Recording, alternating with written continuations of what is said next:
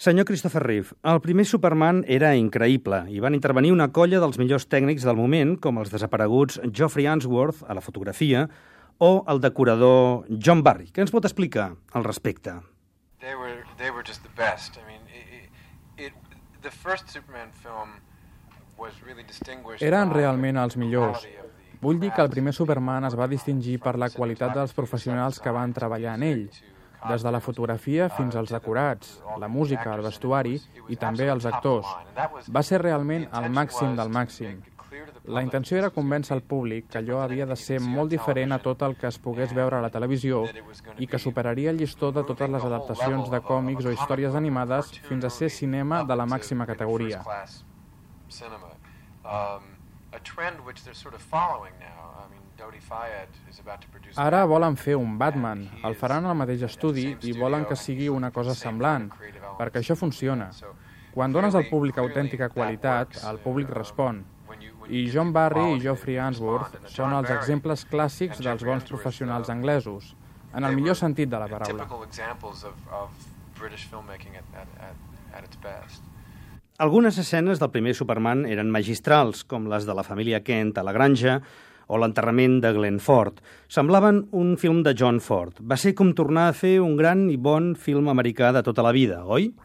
Yes, uh, that, that was very much the intention of the first one. Uh, Sí, aquesta va ser la intenció del primer Superman. Quan es van fer les seqüeles i Richard Lester va substituir Richard Donner, es podia percebre un canvi d'estil. Jo crec que Richard Lester, que és un londinenc clar, tenia un punt de vista molt diferent de la cultura americana que el de Richard Donner, molt més cínic sobre el que és essencialment americà. I Superman és un exemplar evident de cultura americana. Així, les pel·lícules van esdevenir molt més slapstick, molt més sarcàstiques, en certa manera, amb situacions molt més ridícules, divertides. Així com Donner a la primera volia arribar al cor del paisatge cultural americà, amb tots els camps de Kansas i el blat de moro al matí, penso que tots dos tenien el seu valor i ocupen un lloc. Però jo sóc molt sentimental i em sento més a prop del punt de vista de Donner. Després de Superman va rodar En algun lugar del tiempo, un film molt atípic pel seu moment, una història d'amor que no tenia res a veure amb el gust del públic d'aquella època. Oh. No, I don't agree. I think that was made in 1979 and No hi estic d'acord, no, no hi estic d'acord. Es va fer el 1979 i la intenció del film era arribar a un públic de mitjana edat del país que no acostuma a anar al cinema. En aquell moment va ser tot just quan el cinema es va convertir en un producte per a adolescents. Era el començament dels films d'estil escolar, que ara abunden tant. La teoria de la Universal era que hi havia un forat per una història d'amor clàssica, pel públic de mitjana edat, per les mestresses de casa. I en aquest sentit va funcionar molt, molt bé. És un film que ha crescut amb el pas dels anys, com un film de culte, i em sorprèn rebre cartes cada mes de les meves fans. Això és fantàstic. A Hong Kong es va exhibir durant dos anys, ja ho veus. I es pot veure a festivals de cinema del dia de Sant Valentí cada any als Estats Units. Exhibeixen la pel·lícula a tot el país i els espectadors es vesteixen amb vestits d'època. És com un film de culte i té èxit. I avui en dia, probablement, quan m'aturen al carrer, més gent em menciona en algun lugar del tiempo que no pas Superman. I, uh, actually, when I'm stopped on the street, probably uh, I more people mention Somewhere in Time to me than they do Superman.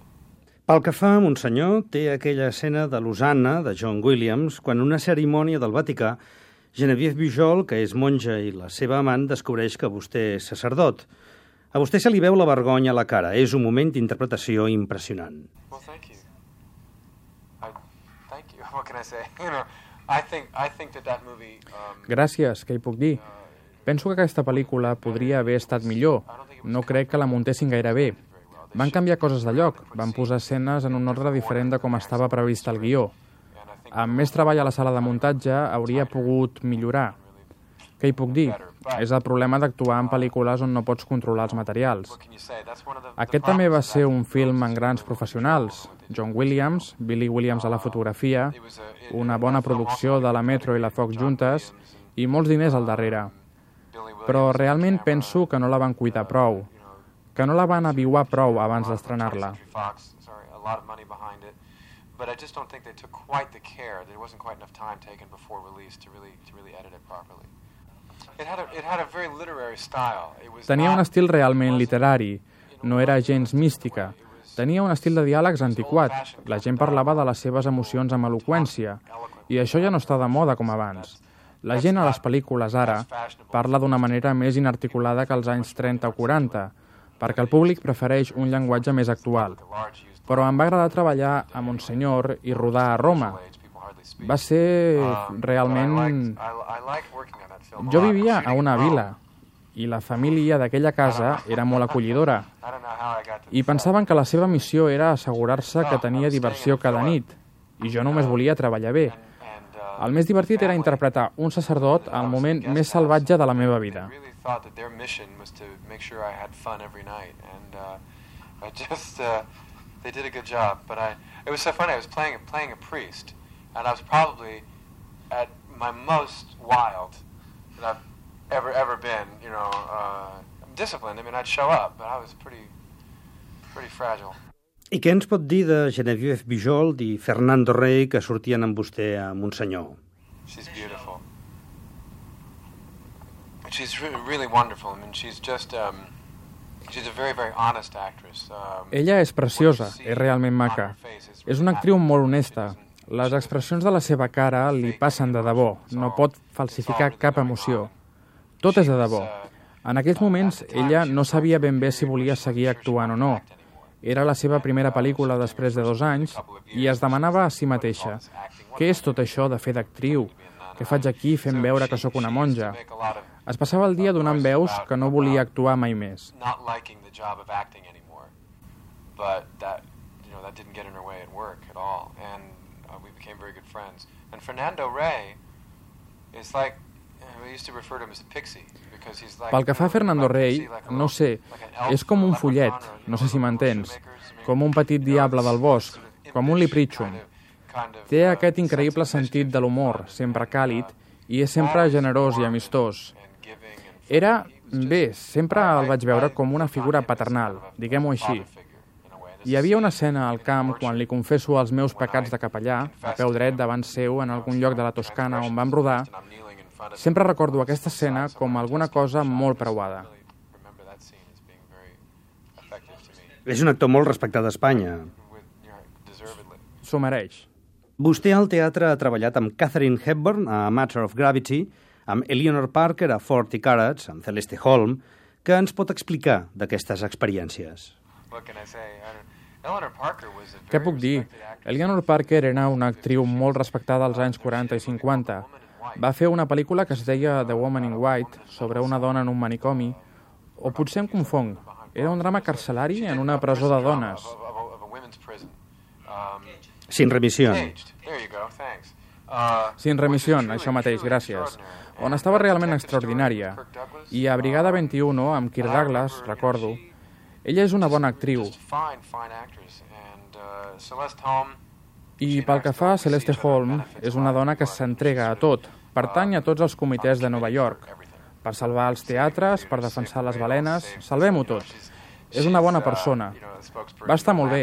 Jo actuava en aquella obra de teatre amb ella, no sé, era el 1900, no recordo.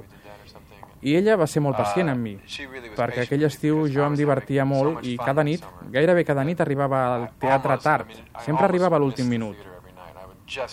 Jo interpretava un paper molt petit i vam fer una gira per una colla de llocs molt divertits.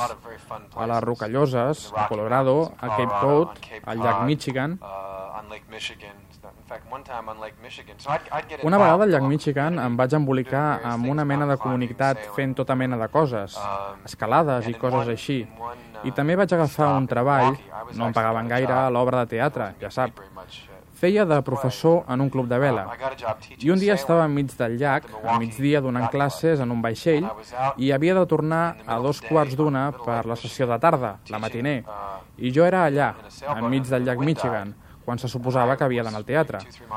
Bé, el cas és que vaig enfilar la barca per tornar-hi, totalment cremat pel sol i avergonyit, tot i que tant se me'n donava, perquè m'estava divertint. Anyway, to cut a long story short, we managed to uh, to uh, get a motorboat to uh, to give me a ride in, and, and I got to the theater absolutely beat red with, with sunburn and embarrassment about two minutes before the curtain went up. She was never even phased by those things. She was glad I was having a good time. I pel que fa a Kathy Hepburn? Kathy Hepburn.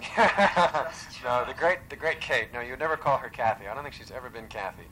Uh, no, no, no, Kate. Always Kate. Um, Kate, Kate Hepburn... Kathy Hepburn, la gran Kate. Mai no l'anomenis Kathy. Kate, sempre Kate. Kate Hepburn.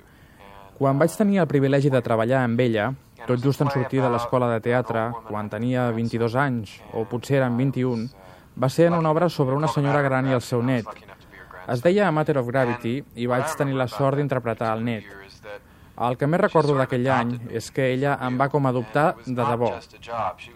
I no era només pel treball, es va concernir genuïnament en la meva vida, en tot, des del que menjava fins al que llegia o si havia anat o no a un museu determinat. Tot. Es va involucrar molt, en el sentit que al primer moment fins i tot em vaig dir espera, espera un moment, què vol dir tot això? Jo em revelava.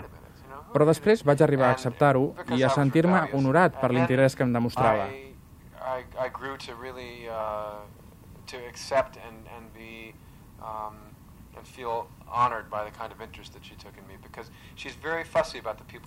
Perquè ella és molt exigent amb la gent a qui dedica el seu temps. Si creu que ets avorrit o no tens talent, pot ser despietada. Afortunadament, mai em va tractar així, excepte una vegada, quan vaig arribar un dia tard a un assaig. Per alguna raó no vaig arribar a l'hora. Vaig arribar a les 10 i 5, quan l'hora de l'assaig era a les 10, i el meu substitut ja era a l'escenari fent coses. And uh, I came into the theater at 5 minutes past 10 for a 10 o'clock call to find that my understudy was on stage doing scenes with her. And of course I came... Jo me'n vaig anar per la part del darrere per ocupar el meu lloc i ella no em va deixar entrar a l'escenari fins que no es va acabar tot l'acte. Després li vaig voler demanar excuses, però ella em va dir tan sols això. Tens la maleïda sort de ser millor actor que ell. No ho tornis a fer més. I no crec haver arribat mai més tard en lloc, ni tan sols a una festa. Ara sóc puntual a tot arreu. Però tot aquell temps amb ella el recordo amb una gratitud especial. I sé que més tard, parlant amb directors i altra gent d'aquest món, ella... Bé, en un moment determinat, David Lean anava a fer la nova versió de Rebellion a Bordo, que al final va dirigir... Eh, no va ser Roger Donaldson qui la va dirigir finalment? Amb Bill Gibson i Anthony Hopkins, fa uns 3 anys. Això va ser Roger Donaldson. Doncs bé, se suposava que l'havia de produir David Lean i ella va parlar amb ell sobre mi i em va recomanar. Em va proposar el paper de Fletcher Christian. Ja veus quina lleialtat la seva. Quan ella creu en tu, la seva fe ja no canvia mai. I això és molt rar. But that kind of loyalty, you know, once, once she believes in you, her faith never changes, and that's a very rare thing.